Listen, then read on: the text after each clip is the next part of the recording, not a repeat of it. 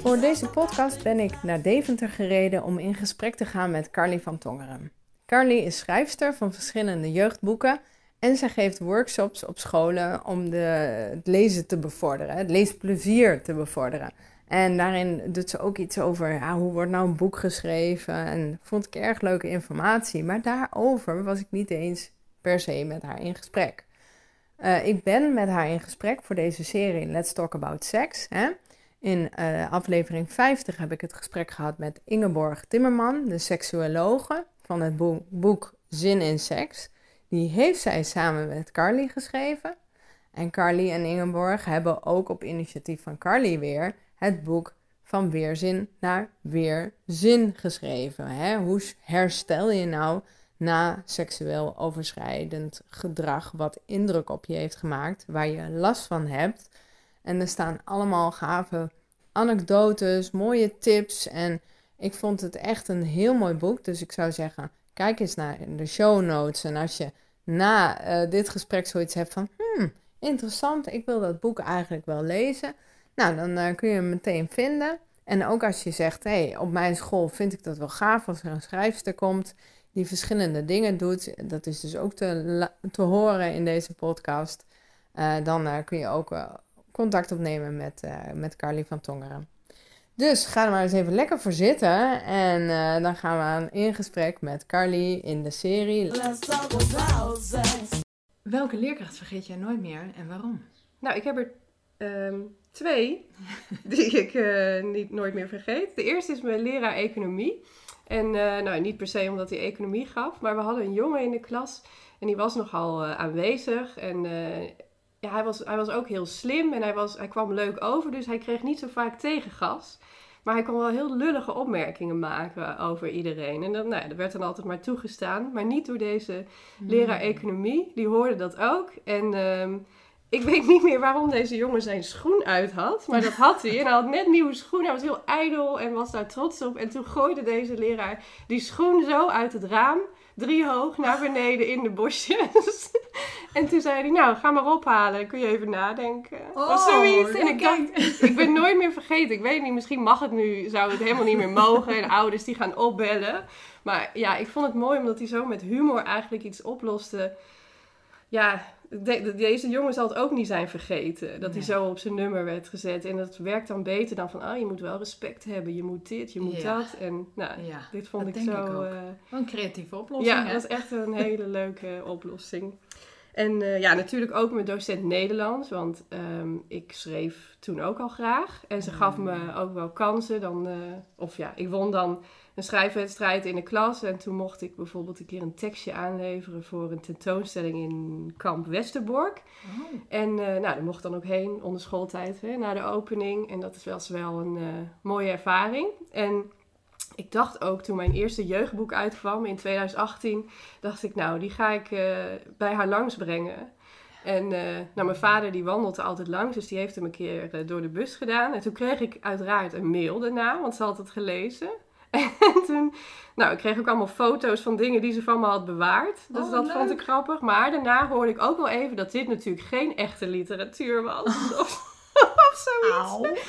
Want ze was echt, ja, dat was natuurlijk zo'n oude stempel ook. Hè? Alleen echte literatuur telt oh, mee. En dan kreeg ik ook wel uh, even te horen waar, uh, waar het dan nog aan schortte. Ze bleef, ze bleef kritisch.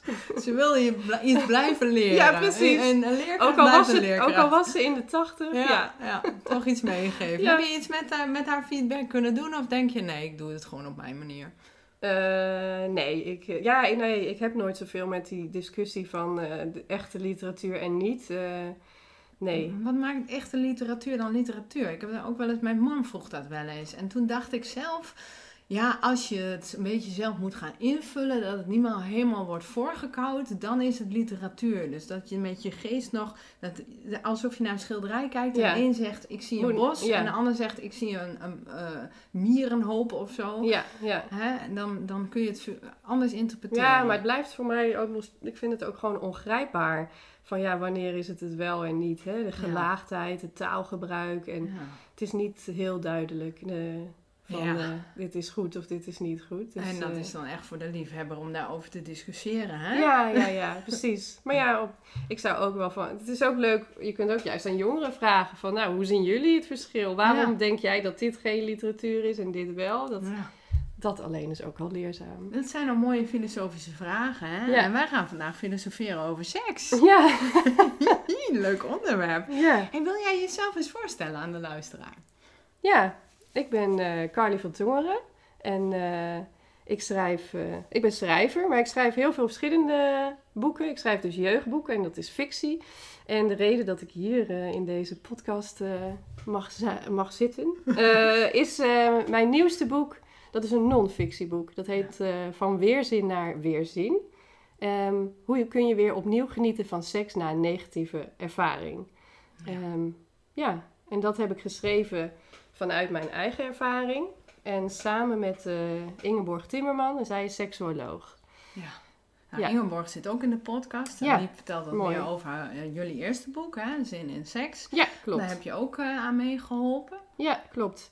Dat, daar ken ik. Of nou nee, ik ken Ingeborg eigenlijk van een interview. Ik, ik interviewde haar ooit voor een vakblad psychopraktijk toen ik nog journalist was. Ja. En eh, daarna zijn we inderdaad Zin in Seks gaan schrijven samen. Dat vroeg ze aan mij. En eh, daar was ik wat meer op de achtergrond. Echt, zij was voor de inhoud en ik was voor de structuur van het boek en voor de taal. En in Van Weerzin naar Weerzin is mijn inbreng inhoudelijk natuurlijk als ervaringsdeskundige. Ja. Dus dat is net wat, ja, net een beetje anders. Ja, ik heb het eh, boek eh, hier eh, voor me liggen met allemaal tabbladen, Ja. en pijltjes en dingen. Indrukwekkend. Ja, ik heb ooit eens een- zo'n studieboek gehad van de, mijn training Acceptance and Commitment Therapy. En ik ben opgeleid door Gijs Jansen, in mijn ogen de goeroe in Nederland. Oké. En die zei tegen mij, je hebt dit boek verkracht. Ik zeg, nee joh, ik heb hem dat was helemaal gebruikt. Ik vond het zo mooi, ook met allemaal blaadjes en dingen en ezelsoren. En dan schrijf ik erin. Of en dan- markeringen, ja. Ach, van alles. En Ja. ik vind een boek, eh, ja, of je, je gebruikt een boek zo van, oké, die kun je weer weggeven. netjes houden. En netjes ja. houden. Of je, je gebruikt hem helemaal voor jezelf en je herleest hem. En Ja. ik heb eigenlijk gekozen voor beide. Kijk. Maar ik, hij is gesigneerd door Ingeborg. Oh, oh, oh ja, dus mooi. jij mag hem zo meteen ook signeren natuurlijk. Oh, mooi. Maar ik kan hem ook weer uitlenen, want ik heb alleen losse blaadjes, eh, van die memo-blaadjes bij. Ja.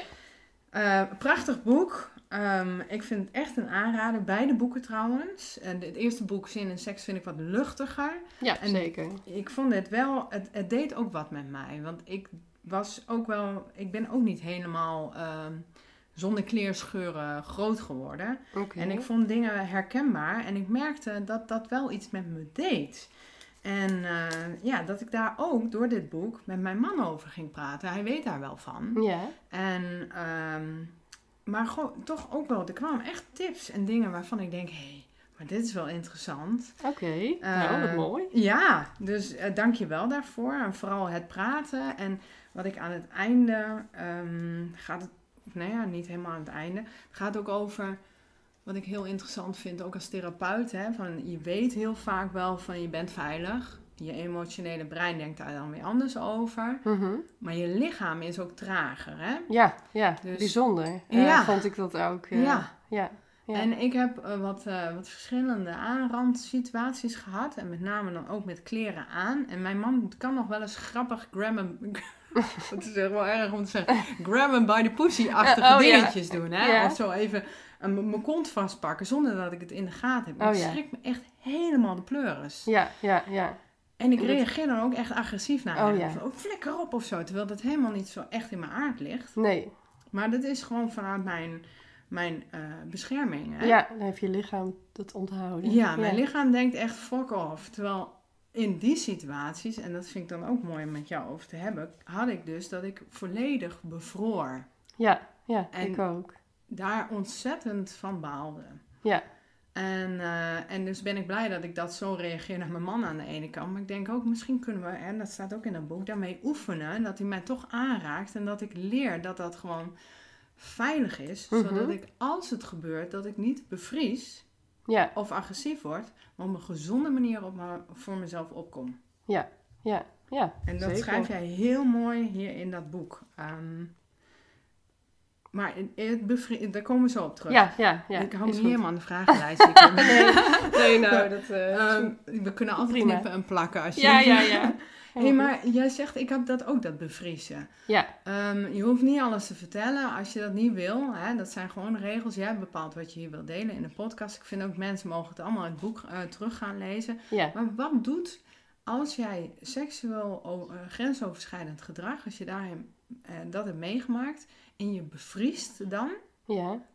wat, wat gebeurt er dan eigenlijk met je? En, Ja, ik heb me nooit zo gerealiseerd dat, dat dat kwam ook door de uitleg van Ingeborg eh, in dit boek nog even als bevestiging. Ik heb me nooit gerealiseerd dat die bevriezingsreactie e- bijna even groot is als dat aangeraakt worden of hè, dat, dat, die, die handeling. Omdat het, als je zo kan bevriezen, dan ja, kun je dan nog op jezelf vertrouwen. ja, In een, in een, als er weer wat ergs gebeurt. Ja, Hè, dat, eh, dat is heel, heel angstig, dat je dus echt niet handelt. Dat, en dat, dus je zegt, de, de, de reactie op wat er gebeurde, het bevriezen, is net zo traumatisch als de handeling die gebeurde.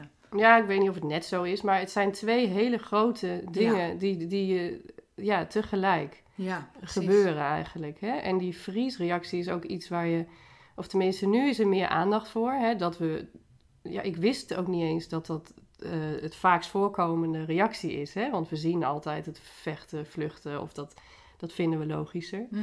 Eh, dus wetende dat dat eh, vaker gebeurt, dat, dat helpt je al. Want dan voel je je niet slecht daarover of raar. Maar ik heb me daar wel echt jaren slecht over gevoeld. Dat ik dacht van ja, waarom deed ik nou niks? Dan heb ik dus ook gewoon geen verhaal om te Nee. vertellen. Dus ik vertelde het ook aan niemand. Ja, schaam je kapot hoor. Ja, je want- gewoon er iets van zeggen. Ja, ik was, ik was ook een soort. eh, Ja, het is meer bijna de, de angst die je ervan weerhoudt. Van dat, stel, ik stelde me dan voor van, nou, ik ga dit vertellen, dit verhaal. En dan gaat iemand natuurlijk vragen: waarom zei je niks? Of waarom deed je niks? Want ja, dat vroeg ik mezelf ook af. En dan Ja. alleen al het idee van: oh ja, dat gaat iemand dan vragen, dat weerhield me ervan. Ja. Hè, dan zag ik mezelf bij het politiebureau zitten, bij wijze van: hè, ja, nee, dan heb ik geen verhaal, dacht ik. Ja, Hè? precies. En eh, ja, dus dat maakt het heel moeilijk om het te vertellen, maar ook om het te verwerken. Ja. Ja, En ehm, wat is dan de verklaring? Dat je dan zo bevriest. Hoe, hoe legt Ingeborg dat uit? Eh, ja het is een, ook een overlevingsmechanisme. Ja, hè? Om, het, om, om met hele nare dingen te dealen, Ja. eigenlijk.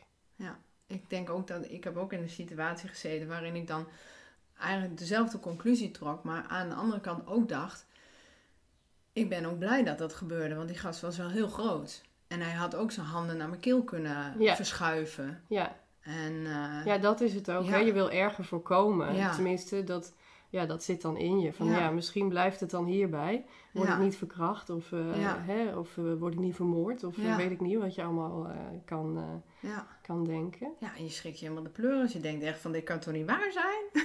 nou, vooral ook wat, wat Ingeborg er op een gegeven moment over schreef. Ze ging mijn ervaring zeg maar beschouwen vanuit ja, de volwassen blik. Hè? Want Mm. dat, eh, dat doe je niet. Dat, ik was veertien toen. Dus dan Ja. zie je, eh, bekijk je dat allemaal heel anders.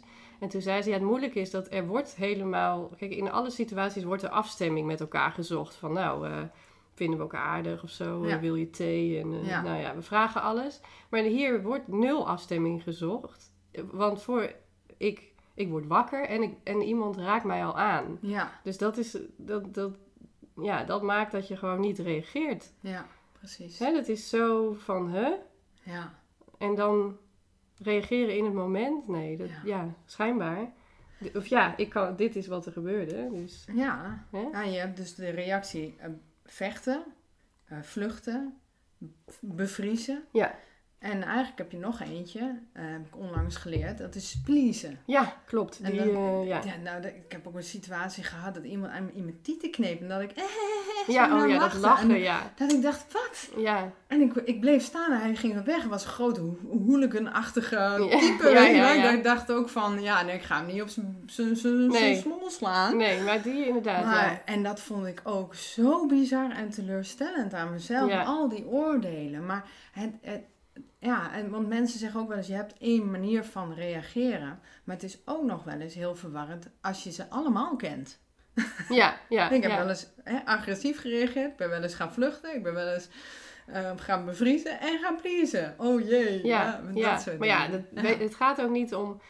Het gaat er ook niet alleen maar om het, de aanraking. De hele Nee. context die speelt natuurlijk mee. Exact. En daarom reageer je. Weet je, je kan ook niet van tevoren zeggen van nee, dat zou ik nooit doen. Nee. Want ja, je weet niet hoe je, hoe, Nee. in welke situatie je, je zit. Inderdaad, hoe ziet die persoon, eh, ja, hoe groot is die? Dat, Ja. dat- ja, dat, eh, nou ja, dat werkt dus ook mee Ja, op je ja, reactie. precies. Ja. Precies. Ik wilde niet dat het een boek zou zijn van alleen mijn verhaal. Ik denk Ja. dat je best wel van die ervaringsverhalen hebt in boekvorm. Ja. Zelf uitgegeven of door een uitgeverij. Maar dat wilde ik niet maken. Want Nee. ik dacht, ja, één verhaal is één verhaal. Ik wil Mhm. wel dat je er handvatten aan uit, uit kan halen van, Ja. een, van een, eh, iemand met verstand van zaken vanuit de professionele blik. Ja. En eh, ook kan zij zorgen voor meer voorbeelden. Hè? Mannelijke slachtoffers kunnen dan ook eh, eh, genoemd worden. En Ja. ja. ik heb een relatie met een man, maar hoe is het anders als je een relatie hebt met een vrouw? Of hè, die kan allerlei. Ja. eh, ja, dat vond ik ook echt heel sterk aan het eh. boek. De voorbeelden van andere mensen.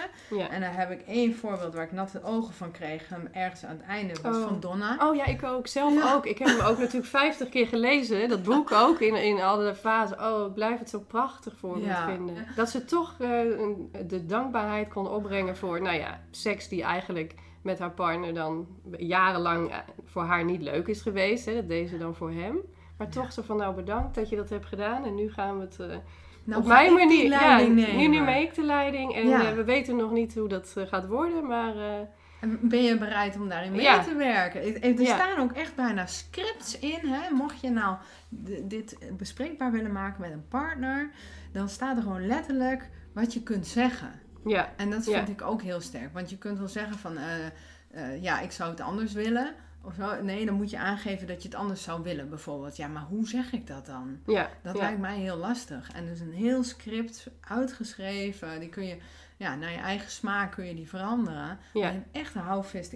houvast. Ik vind het ook een heel praktisch boek met hele mooie oefeningen. ja. eh, die mensen kunnen kiezen om wel of niet eh, te doen. En alleen al erover nadenken, eh, Ja, dat werkt al. Wat is eigenlijk volgens jou de rol van of docenten of hulpverleners, mensen die met jongeren bijvoorbeeld werken, omdat het met jou gebeurde toen je 14 was? Wat zou hun rol mogen zijn als het gaat over grensoverschrijdend gedrag? Alleen docent of ook hulpverleners? Hulpverleners, docenten, kun je daar iets over... Nou ja, wat, wat, ja, wat lastig is, is dat ik... Bij mij gebeurde door een jongen van school. Dus dan zit er ook hè, dat systeem... Als ik iets ga zeggen, wat ik dus niet deed... Dat deed ik pas toen ik van school afkwam. Ja. Eh, als ik iets zou zeggen, dan dacht ik... Ja, dan ga ik ook iets veranderen in dit systeem. Hè? Pas toen ik uit dat systeem ging, durf, ja, dacht ik van... Nou, nu heb ik niks meer te maken met, met, met hem. Dus eh, dan was dat in ieder geval voorbij. En ik was...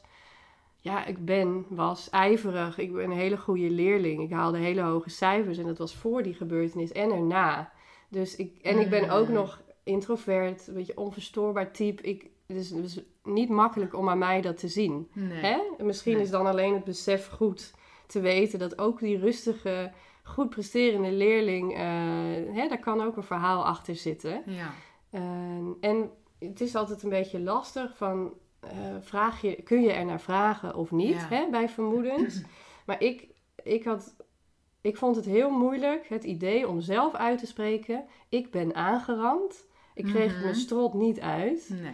Ehm, en als iemand aan mij zou hebben gevraagd, Carly, niet zo uit het niks, maar in een gesprek, Ja. eh, is er misschien iets vervelends gebeurd op seksueel gebied? Had ik wel geantwoord ja. Ja. Want ik, iets in je wil het wel kwijt, maar het er zelf over beginnen Ja. en het dan ook nog zo moeten zeggen. Uiteindelijk, de eerste keer dat ik het vertelde, deed ik het ook op papier. Hè, Oh, dat ja. is meer mijn, als schrijver, maar dat is gewoon makkelijker voor mij. Ja, dan kun je Eh, echt zorgvuldig je woorden kiezen. ja. Dan weet je zeker dat je het goed zegt. Ja, precies. Dan kan ik het, het hele verhaal voor mij alvast op papier zetten. En Ja. dan eh, ligt het in ieder geval goed geformuleerd op tafel. Maar, eh, dus ja, ik zou ze niet per definitie die vraag niet stellen aan Nee. iemand. Hè? Dus, Nee. Want soms eh, maakt dat het makkelijker. Ik weet een beetje een raar voorbeeld. Of nou ja, nee, ik heb het in het boek ook genoemd. Die Ja. huisarts waar Ja. ik kwam. dat was ook heel onhandig. Dat hij, ik kwam daar met onverklaarbare buikpijn en hij Ja. vroeg, want ja, dat kan natuurlijk ook mentaal zijn. Hè? Is er Hmm. misschien iets gebeurd? Goeie vraag. Ja, Maar en ik was nog stil, want ja, dat is nogal een vraag. Ga ik nu iets zeggen of zo? Of hoe ga ik het zeggen? ja, is er iets gebeurd? Heb ik het al door? Dat weet je natuurlijk niet. Nee. Ik weet niet meer van, ja, heb ik het voor mezelf nou al helder? Maar toen vulde hij de stilte meteen op met, ja, bijvoorbeeld iemand die met een pistool op je gericht stond of zo. Ja, en Ja, dan nou, denk zo erg was het Nee. ook weer niet, denk nee, je dan. en dat is het hele probleem Ja. natuurlijk sowieso al bij Ja. li- lichte, tussen aanhalingstekens, vormen van seksueel eh, grensoverschrijdend gedrag. Mhm. Dat je het zelf ook al denkt van, ja, dit is toch niet erg of zo? Of dit mag ik niet erg vinden? En als iemand dan zoiets zegt, ja, dat sluit alle deuren. Ja, Dus, ja. eh, en, en ja. als je het dan bijvoorbeeld hebt over aanranding, dan is het ook vaak van ja, maar dat beeld, en het is heel grappig, je had het in het boek geschreven en ik sprak iemand anders over een, een situatie, oh, seksueel overschrijdende situatie, en eh, over aanranding, van hè, maar dat is toch gewoon dat je ergens fietst Ja, en van je fiets wordt gesleurd de bosjes in en dat je kunt ontsnappen. ja, Of verkrachting is ook zoiets, dan gaat het nog verder. ja, ja. Maar de- zo werkt het heel vaak niet, hè? Nee, nee. Nou ja, er zit van alles tussen. Ja, In. precies. Hè? Het, is, eh, het kan van allerlei... eh, Ja, het zijn ook vaak heel verwarrend als het bekende mensen zijn. Ja, nog vaker natuurlijk dan diegene Ja. in die bosjes. Dat is Ja. zo'n clichébeeld. eh dat, eh, dat klopt ook niet. Dat is de minderheid. Ja, Juist die systemen zitten er ook allemaal bij. Als iemand dan de moed vindt, want het kost dus moed om dat te vertellen, dan is het ook fijn als je het verhaal meteen serieus neemt en luistert en vraagt wat heb je nodig. En niet eh, vraagt wat is er gebeurd, door wie, wanneer, Oh, hoe. Die details die zijn zo moeilijk om te vertellen. ja. Plus dat ze eigenlijk ook niet het belangrijkste zijn. Nee. Want eh, daar gaat het dus eigenlijk niet om. nee, want dan richt je weer je aandacht op de dader. Ja, en op die gebeurtenis. Terwijl, Ja. ja, die is geweest. Eh, ik moet nu verder. Daar is het hele Mm. boek natuurlijk op gebaseerd. Hè? Dat ik dat wilde. Van ja, al die aandacht voor die gebeurtenis. Ja, Eh, als die gebeurtenis weg is, dan zijn we... en we zijn weer veilig. Ja, dan is het klaar. Ja, dat was maar waar. ja, D- dan begint het pas. ja. En eh, dus... ehm, Ja, dat vind ik echt heel sterk aan het boek. Gewoon weg weer die, die veiligheid creëren voor dat lichaam. ja. Hè, om het lichaam weer te leren. eh, hè, nu ben je veilig, je hoeft niet in die stress te schieten. Nee. Ehm, en hoe, hè, want dat gebeurt dan vaak weer als het een, een situatie is dat lijkt op wat je eerder hebt Ja, meegemaakt. ja, met associaties. Ja, ja, ja. nee, dat klopt. ja, supergoed boek. Eh, ik zou sowieso eh, in de show notes een link van dit, dit boek, eh, als mensen nou denken, hè, welk boek was het ook alweer? Ja. En waar kun je die vinden? Dan, dan zou ik dat zeker linken. En ehm, we gaan nog door hoor, maar als mensen dan toch denken, en dat doen we aan het einde ook nog eventjes van, goh, wie, wie, eh, wie is die vrouw nou eigenlijk? Echt wel een interessant verhaal. Heb jij nog een website of iets dergelijks waar mensen wat informatie over jou kunnen opsnorren? Ja, nou, dat is gewoon mijn naam eigenlijk, carlyvantongeren.nl. Ja, En Carly is met IE. En Ja. eh, zo heet ik ook op Instagram en eh, LinkedIn. ja, Ja. en met een C. Hè? Oh ja, ja, ook nog. Ja, met een C. Ja, Ja, en ehm, ja, want je, je hebt je, ook wel meer boeken geschreven, heb ik gezien op jouw website. ja, klopt. Heel interessant. En wat je ook doet, is eh, lezingen geven voor, eh, voor het onderwijs. Ja, klopt. Kun je daar iets over vertellen? Ja, nou, dat gaat via de schrijverscentrale. Ja. Eh, daar sta ik dan ingeschreven. Ik moet zeggen dat het nu vaak gaat over, ja, dat zijn middelbare scholen en die, die vragen mij om te vertellen over mijn jeugdboeken. Hè? Dus het Ja. gaat niet over dit boek. Nee. Ik moet wel zeggen dat in, in het Meisjesmanifest, dat was mijn tweede boek, daarin komt eh, mijn eigen ervaring in fictie wel eh, voor. En het proces dan vooral na Ah. Ja. die gebeurtenis ook. Eh, dat meisje gaat ook EMDR volgen en daarmee Ja. aan de slag. De EMDR, voor de luisteraar Oh, die niet ja. weet wat het is. Traumaverwerkingstherapie Ja. volgen. Ja. En, en ja, en aan de slag met haar seksualiteit eh, hervinden, om het zo te omschrijven. Mm. Maar als ik naar scholen ga, is dat vaak in het algemeen. Oh, en dan niet, ik sta daar geen, nog niet lezingen te geven over grensoverschrijdend gedrag. Mhm. Eh, dus ik, het gaat vaak over lezen en schrijven in het algemeen. eh, leesplezier aanwakkeren. En dan vertel ik vaak over het nieuwste boek. Hè. Dan geef ik voorbeelden van, nou, hoe kwam ik op het idee? Of hoe doe ik research? Of wat is er echt gebeurd? Dat soort dingen geef ik voorbeelden eruit. Leuk. Ja, en ik ben wel van plan om nog een keer een boek te schrijven over hè, seksueel grensoverschrijdend gedrag. En dan zou ik het vanuit meerdere perspectieven willen schrijven. zodat je ook eh, er een betere blik op krijgt. Hoe, Ja. hoe je erop eh, rea- kunt reageren of hoe je er niet op reageert. Eh, en dan vooral ook de gevolgen. Want hè, Ja. niet eh, zo van eh, hè, dat, oh, daar heb ik zo ontzettend. Daar heb ik net een column over geschreven. Mag, ik ben gastcolumnist voor de Volkskrant. Ik zag het. Ja. Wat goed. En oh, dan heb je van die boeken en films en dan...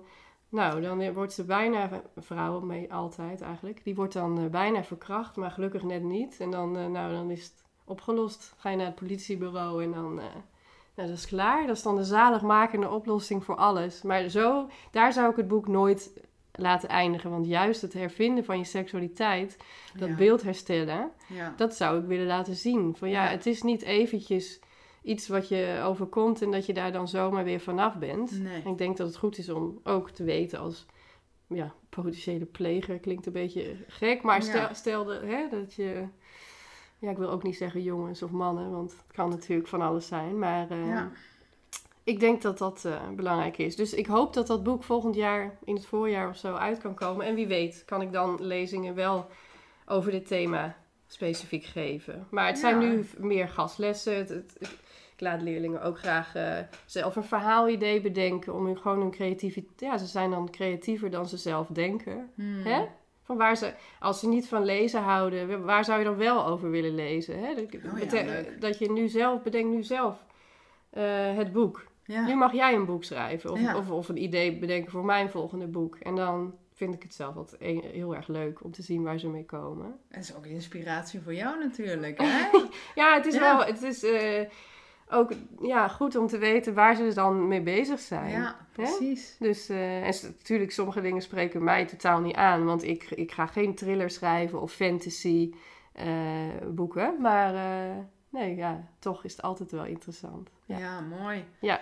Ja, ik denk dat het heel goed is om dit ook bespreekbaar te maken met jongeren. En ja, als ik al kijk naar dat er heel veel porno wordt gekeken en hoe over seks eh, wordt gedacht. En Ja. ehm, nou ja, toch wel dingen die ik zelf wel af en toe chockerend vind. Ja, eh, ja en als dat dan ook...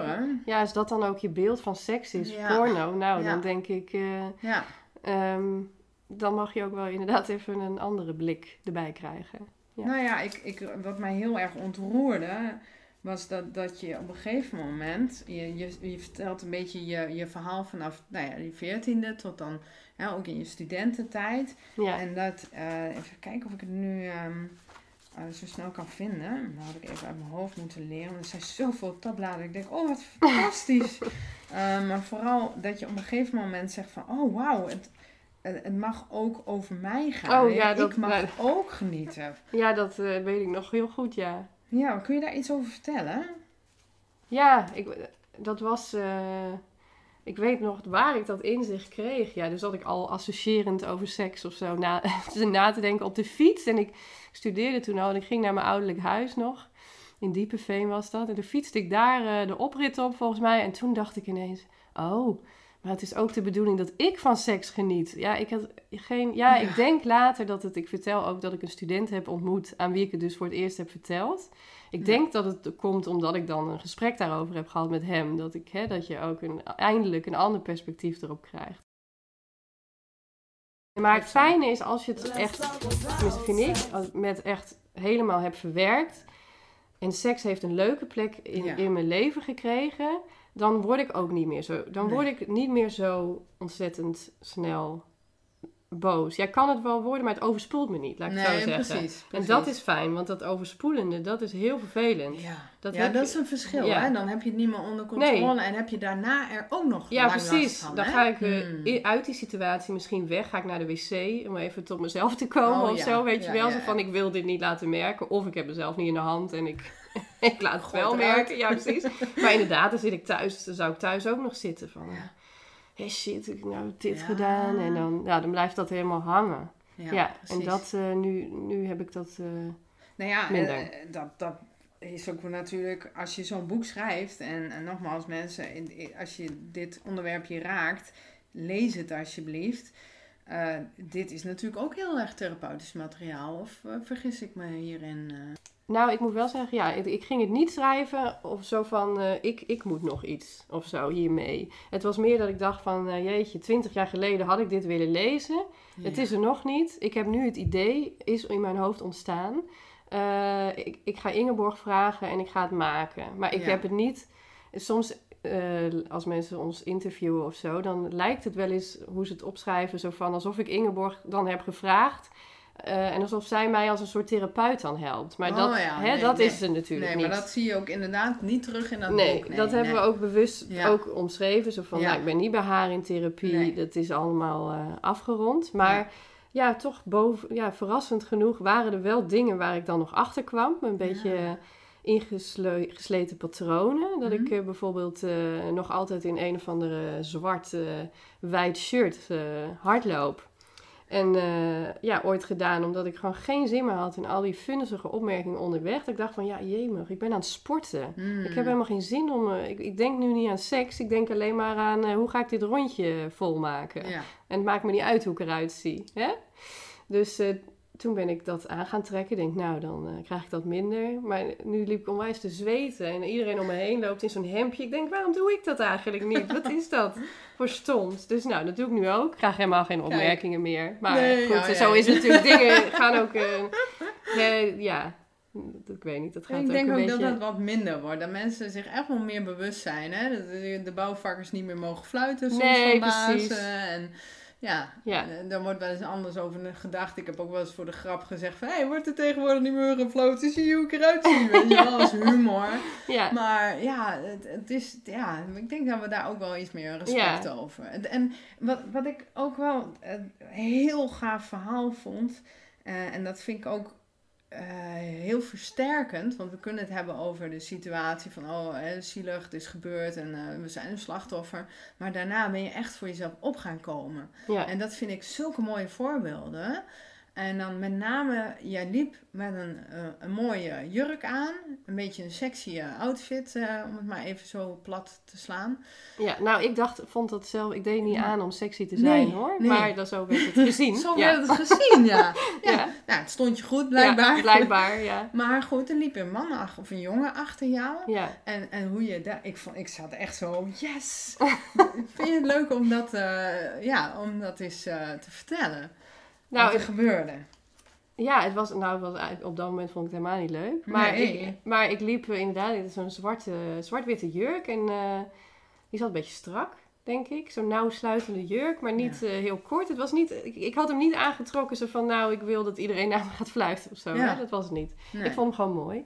Dus ik ging op Utrecht Centraal, ik ging naar de trein en toen, ja, toen er was nog geen normale fietsenstalling, dus het was een beetje zo'n donker, onder zo'n donker viaductje liep ik, wel overdag. En toen liep er een jonge man achter mij en die liep ook al te dicht op me. Weet je, dat je Mm. echt denkt van, dit is heel raar wat je nu doet. Want er loopt hier niemand en ik kan je bijna je, jou tegen Je mij adem aan ruiken. ja, zo dicht op iemand lopen, dat is al raar. En toen Ja. hij zat de hele tijd, zei hij allemaal echt te ranzige dingen tegen me. Van, nou dat, ja. is, ja, dat is heel bedreigend. Ja, het was heel, heel, nou ja, het was allemaal wat hij allemaal wel niet, ik had zo'n, mijn kont, die was heel mooi en nou, daar wou hij ook wel wat insteken en nou, het Oh, was echt jeetje. niet te doen.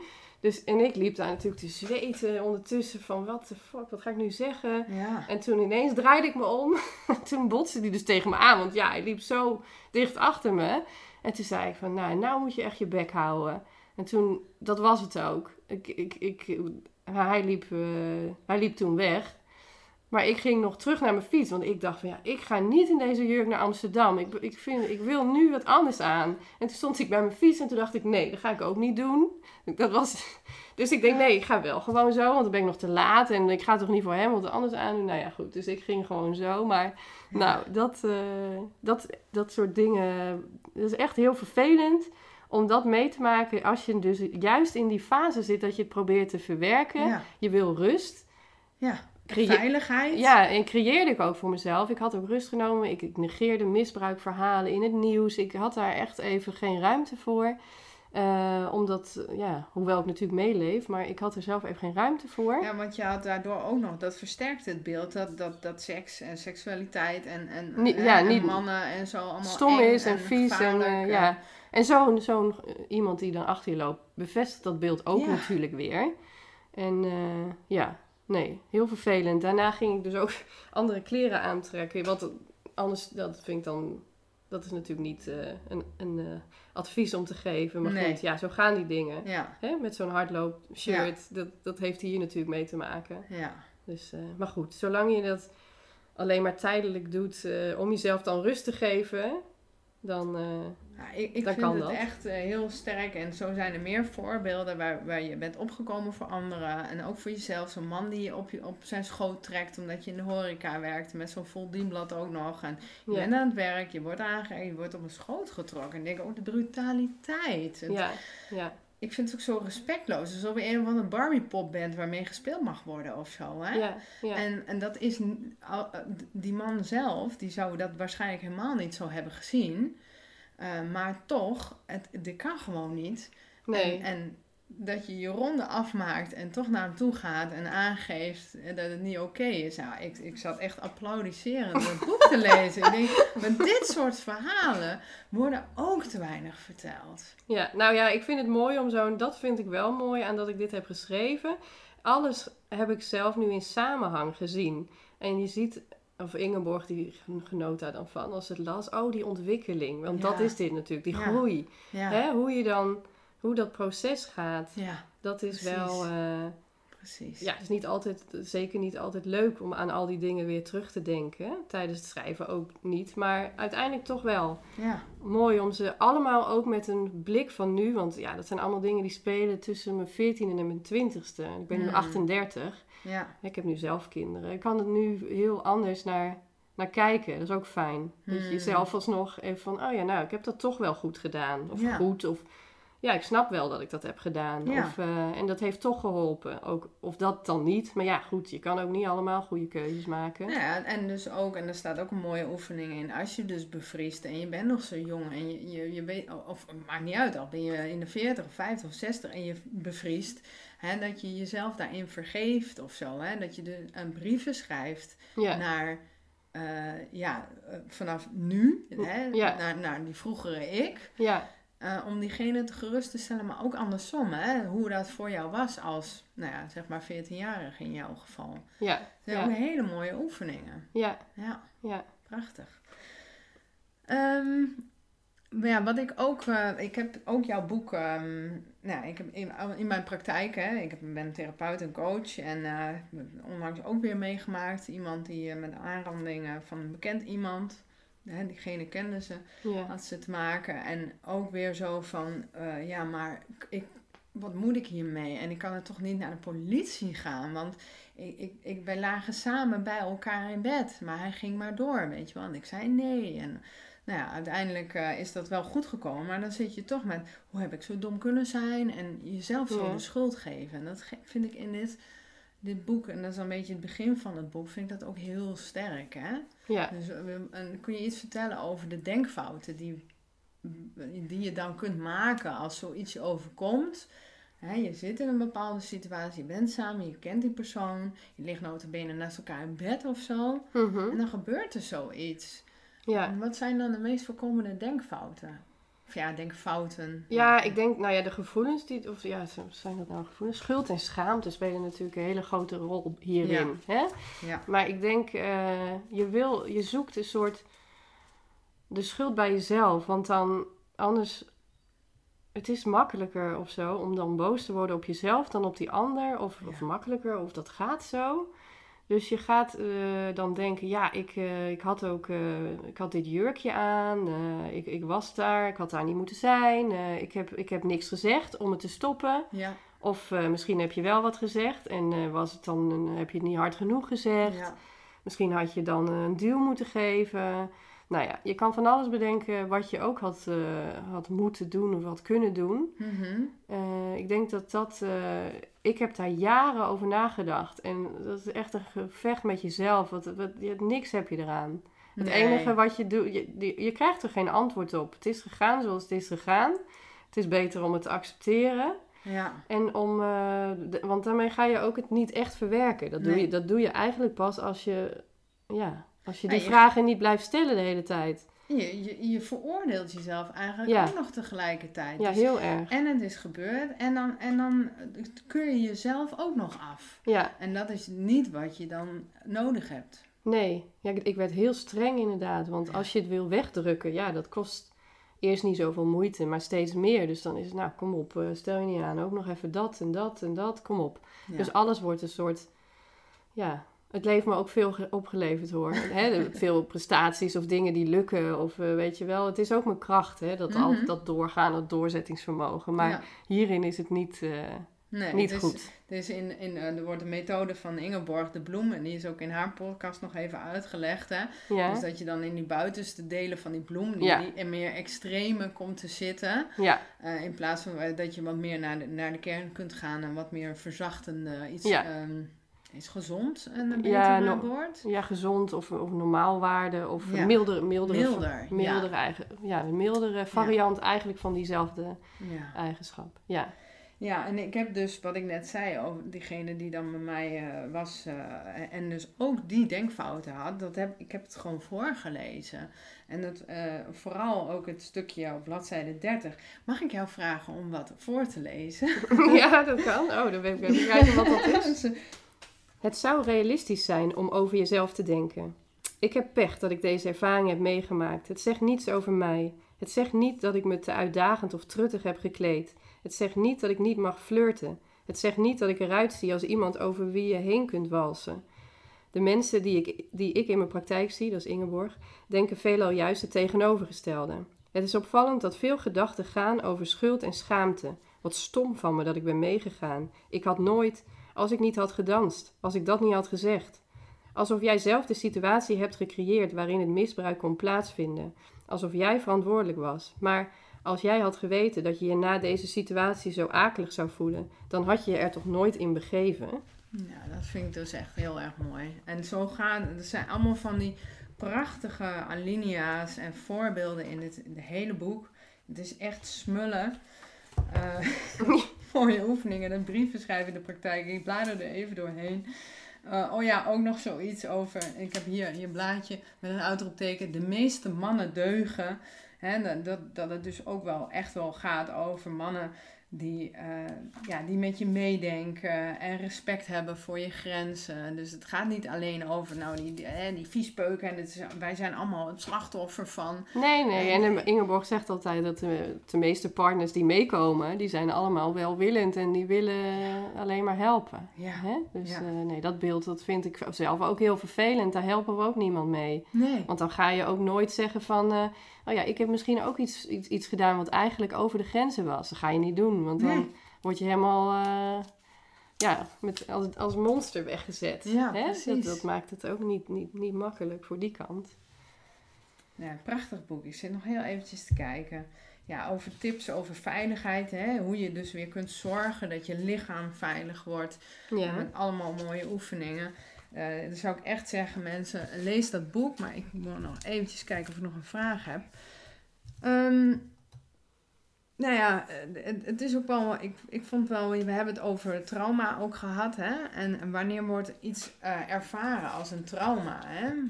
Wa- Want ja, dat is een woord wat we best wel veel gebruiken, maar Ja. misschien komt dat ook omdat wij in een bepaalde bubbel zitten. Ja, ik weet niet. Ik denk dat het wel eerder gebruikt wordt tegenwoordig. En maar daardoor, ja, de betekenis is misschien ook niet meer helemaal helder. Nee. Maar wat ik wel, eh, ja, het is een lastige vraag. Want wat ik heb meegemaakt, dat hoeft bij iemand anders niet per se een trauma, als een trauma te worden Ja. ervaren. Maar het heeft ook te maken met, ja, wanneer gebeurt het in je leven? Hè? Ja.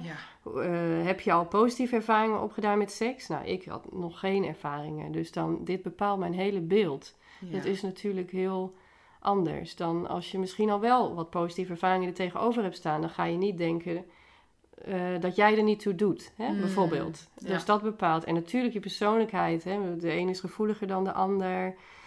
Ehm, ja, heb, heb je al heel veel andere zware dingen op je bordje liggen? Ja, dat dat dat, ook, hè. bepaalt allemaal. Dat, dat, dat stapelt allemaal op. Ja. Dus eh, ik denk niet dat je dat... Daarom is het zo mooi dat Iva Bikanic op de, hè, en op de tv zei van... Ja, iedereen heeft zijn eigen erg. Ja. Het, het doet er niet, we hoeven niet te gaan met elkaar gaan bepalen van wat is nou erg en wat is er niet erg. Want dat, ja, dat doen we eigenlijk al de hele tijd door altijd de heftige verhalen komen naar buiten. Verkrachting, eh, iemand die tien jaar in een kelder opgesloten is of zo, weet je wel. Eh, Waardoor je al gaat denken dat al dat andere dus niet erg is. Ja. Maar in het boek heb ik ook heel, omdat ik zelf niet verkracht ben, heb ik heel erg.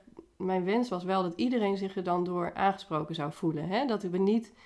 Dit boek is ook voor jou eh, als je misschien een milde vorm hebt meegemaakt, om het even tussen aanhalingstekens te zeggen. Als jij er last van hebt, als het jou belemmert in je seksualiteit, dan eh, is dit boek voor jou. Ja. maak, daarom beschrijven we verderop in het boek ook soms niet eens wat iemand heeft meegemaakt. Nee. Want dat eigenlijk, we hebben het altijd over die gebeurtenis, maar het, het proces erna, dat gaat niet. Ja, tuurlijk ga je de, de heftigste triggers verwerken Ja. in traumatherapie, maar daarna gaat het om het proces. Hoe ga ik hier weer wat leuks van maken? Hè? Hmm. Eh, en dan doet het er echt niet zoveel meer toe. Wat, wat heb je dan precies meegemaakt? Nou, en het boek is, vind ik ook voor partners eigenlijk. Hè? Stel je voor, je bent met iemand, Ja, of je hebt een, een, vriend of vriendin, en daar hoef je niet meteen een partner mee te hebben. Een, eh, een dierbare, een, zeg maar. dierbare. Ja, daar is het laatste hoofdstuk is apart. Kun je ook apart lezen, zeg maar. Ja. Als je dus eh, partner bent of eh, naaste, kun je het Mhm. ook noemen. Ja, Ja. Van, er staan ook wel vragen in eh, die je dan liever niet stelt aan eh, degene die het is overkomen. Zo van, want natuurlijk mag je het wel denken van, ja, is dit nou echt zo erg? Ja. Of zo, Ja. tuurlijk. maar dat Het is is, ook moeilijk voor te stellen. ja, precies. hè? Maar het is niet leuk, niet fijn of niet helpend om die vraag te stellen aan iemand die het is overkomen. Maar ik vind, Ingeborg gaat in op al die vragen. Van, ja, hoe werkt dat dan? Hè? Ja. En dan wordt ook uitgelegd, dit wat, wat ik net zei over, ja, de- wanneer wordt het trauma, wanneer niet. Dus er Ja. speelt nog zoveel meer mee. Niet die kokervisie op de handelingen. Want ja, als ik het heb over de handelingen tijdens de aanranding, dan kan mijn, mijn vriend mij natuurlijk nu op precies dezelfde manier aanraken, eigenlijk. Ja. Maar de, de context is degene die bepaalt. Mhm. Hè? Van, Ja, en je omschrijft ook in je boek heel mooi dat je het dus zo breder trekt. Van ja, maar er was ook een inbraak geweest bij jullie thuis en je had een ongeluk gehad. En ja. dat maakt ook dat je dan in één keer zo, dan staat veiligheid eh, helemaal centraal. Dat je, ja, dat, dat levert nog meer stress op in en zeker op die leeftijd. ja, niks. Ja, mijn ouders gingen uit elkaar. Alles was anders. Niks Ja. was meer zoals het was. Ja, En alle, de konden, overal was gevaar of Ja. zo, voor mijn gevoel. Ja. Oh, niks, ja, bij alles kon er wat gebeuren. Dus dat, Eh, als een kaartenhuis eh viel Ja. alles in elkaar. Hè? ja, dat is... Maar ja, allemaal van die... Ook van die net niet gebeurtenissen, zullen we ze Mhm. maar noemen. Waardoor, ik niet, waardoor niemand gaat denken... Oh, eh, laten we Carly maar een therapie sturen voor dit. Hè? Want we hebben een, een auto-ongeluk waarbij we allemaal ongedeerd er weer uitkomen. Een inbraak waarbij ik niet thuis was. Ehm, ja. hebben we het eigenlijk over? Ja, precies. Ja. Maar die dingen gaan Ja. echt een eigen leven leiden. Als je, nou, dat tussen 10 en 14 dat gebeurt. Ja, die Hmm. kan je. Nu zie ik dat ook gewoon. ja, dat kan je toch helemaal niet plaatsen. Nee, nou maar goed, ik ben 45 en ik denk een, ongeluk, hè, dan een, een botsing eh, heb ik een paar jaar geleden ook gehad. En er gebeurde eigenlijk helemaal niks. Het was gewoon een blikschade. Ik reed zelf niet. Nee. Maar, maar ik heb nog wel af en toe dat als een soort gelijke situatie. En mijn man zit achter het stuur. En er was een andere man die reed hoor. Maar dat ik dan wel zo, oeh, pas op, zie je het wel? Ja, Ja, ja, ja, ik zie het wel. Oh ja, ja, Ja, maar, eh, Hè, dus het maakt allemaal indruk. Maakt, leeftijd is wel belangrijk, maar dan nog. ja, nee, precies. We hebben denk ik nu wel meer oog voor. Ja, dat dat, dat soort dingen allemaal eh, gevolgen kunnen Ja, hebben. Hè? Dat, dat, precies. dat- we hebben natuurlijk ook, hiervoor was misschien meer van eh, gewoon maar doorgaan Ja. en eh, nu niet te veel eh, over praten en zo. Ja. Ja, niet lullen maar poetsen, zeggen we dan. Ja, precies. Maar dan denk ik, ja, oké, dat kan. Maar dan zit het nog wel in je. Ja, Hè? zeker. Het is niet weg. Ja, Maar dan ga je gewoon maar de hele tijd wat doen of zo. Om er dan maar niet aan te denken. Ja, dat is ook niet het leven wat ik nou eh, nee, wil. nee. nee. Ik vind het heel mooi hoe je het hebt, eh, eh, ja, hoe je het allemaal hebt neergezet. Hey, en ehm, hoe ga je van eh, weerzin naar we- weerzin naar weerzin? Ja. Eén tip, niet meer, want anders hebben we het hele boek straks doorgenomen. Dat vind ik jammer. Heb je één tip wat voor jou bijvoorbeeld heeft geholpen? Het belangrijkste is dus niet echt een oefening of zo. Maar dat is de eh, ruimte had ik Ja. eh, zelf heel erg nodig. Ik denk dat we heel vaak, als ik denk aan mijn therapie... nou, het ging al niet heel veel over seks. Het Mhm. ging over ja, die aanrandingen, maar niet over leuke seks of zo. Hè? Mhm. Eh, maar als het dan wel over seks ging, dan ging het meteen over seks met iemand anders. Ah.